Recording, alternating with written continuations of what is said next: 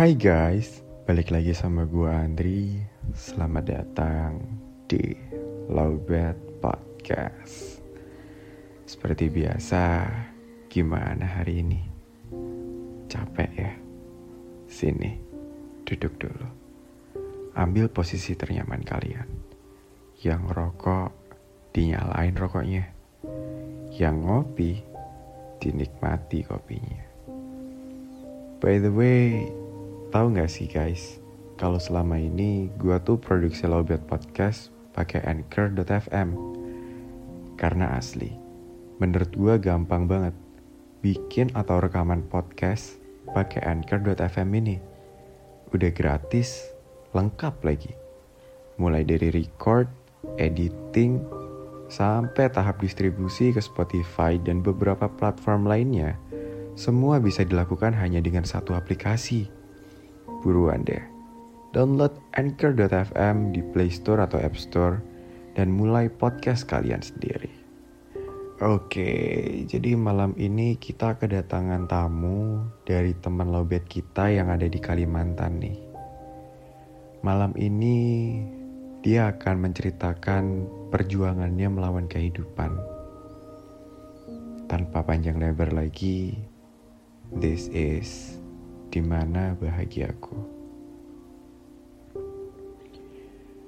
Hai, ini aku, seorang wanita dari Kalimantan yang hingga kini belum menemukan kisah bahagiaku.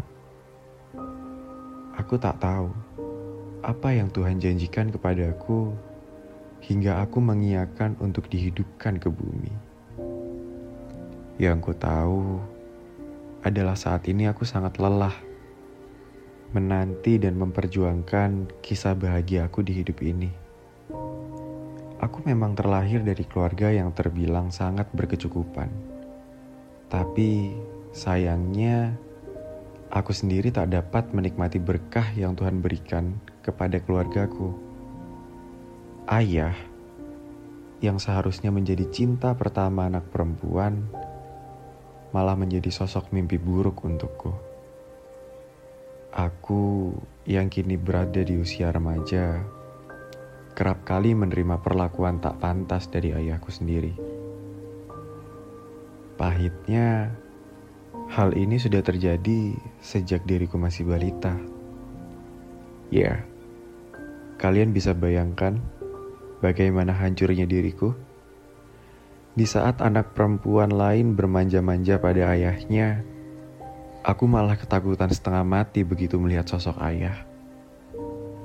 Mulai dari kekerasan verbal hingga non-verbal, semua sudah kualami.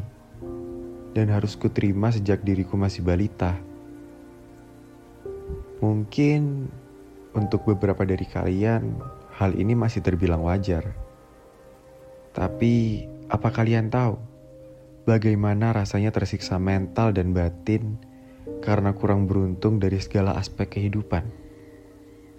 Apa kalian tahu bagaimana rasanya badan mungil kalian sewaktu balita harus diinjak oleh ayah kandung kalian sendiri?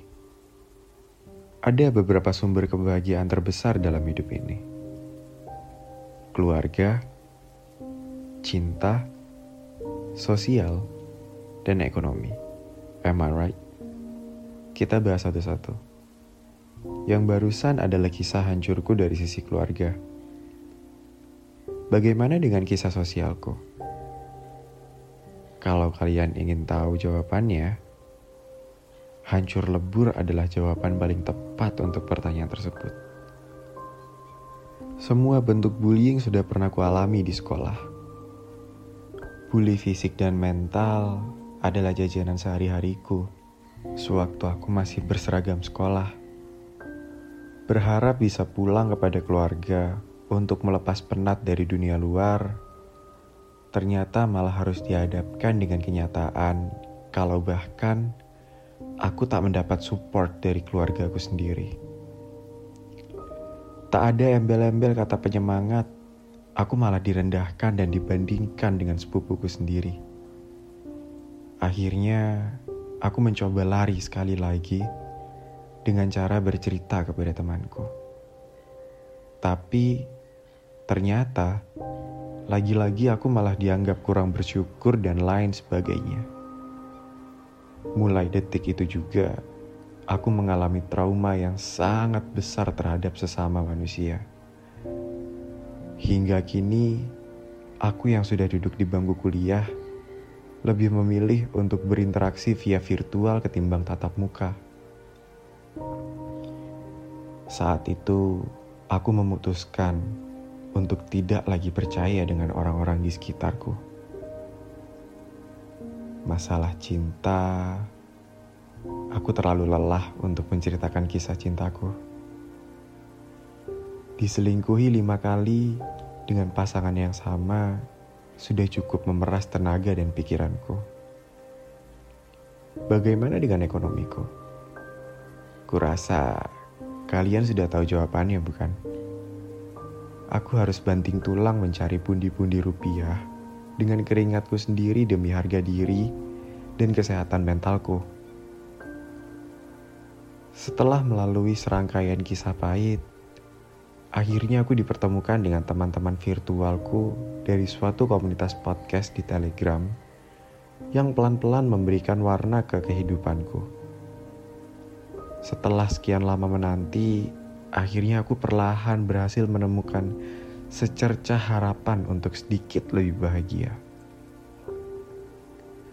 Seiring berjalannya waktu, aku dipertemukan dengan pemilik podcast ini. Beliau beranggapan kalau aku tidak baik-baik saja. Dia tak pernah lelah memberiku edukasi kesehatan mental dan bersikukuh menyuruhku ke psikiater. Dengan support teman-teman di komunitas tersebut, Akhirnya aku memberanikan diri untuk ke psikiater demi kehidupanku yang lebih baik. Tanpa aku sadari, ternyata kejamnya dunia padaku saat itu menghasilkan diagnosa major depressive disorder yang diberikan psikiater padaku. Baru saja merasakan sedikit kebahagiaan, harus dipatahkan lagi oleh kenyataan yang pahit tersebut. Bedanya, Kali ini aku bersyukur karena kali ini aku tak sendiri lagi.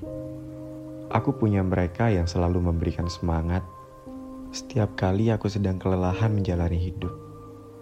Kali ini aku percaya Tuhan sedang menyiapkan rencana yang indah untukku kelak. Gila sih, honestly ini gue baru pertama kali baca dia punya cerita. Dan gue sendiri gak expect kalau ternyata ada loh manusia yang kurang beruntung dari segala aspek kehidupan. Kayak maksudnya gue tuh pengen banget gitu menyelamatkan teman-teman yang kayak gini. At least kalau misal gue nggak bisa menyelamatkan seluruhnya, paling nggak gue tuh bisa menyelamatkan dia dari black hole yang bener-bener mau menghisap habis kebahagiaannya gitu loh. Pokoknya pesan gue buat teman-teman lobet di sana, atau teman-teman lowbat di mana pun kalian berada, kalau kalian punya temen yang kalian rasa dia punya kelainan mental atau mental issues, tolong jangan dibiarin atau tolong jangan ditinggalin guys. Kalau kalian nggak tahu gimana cara nolongnya, paling nggak dengerin lah keluh kesahnya.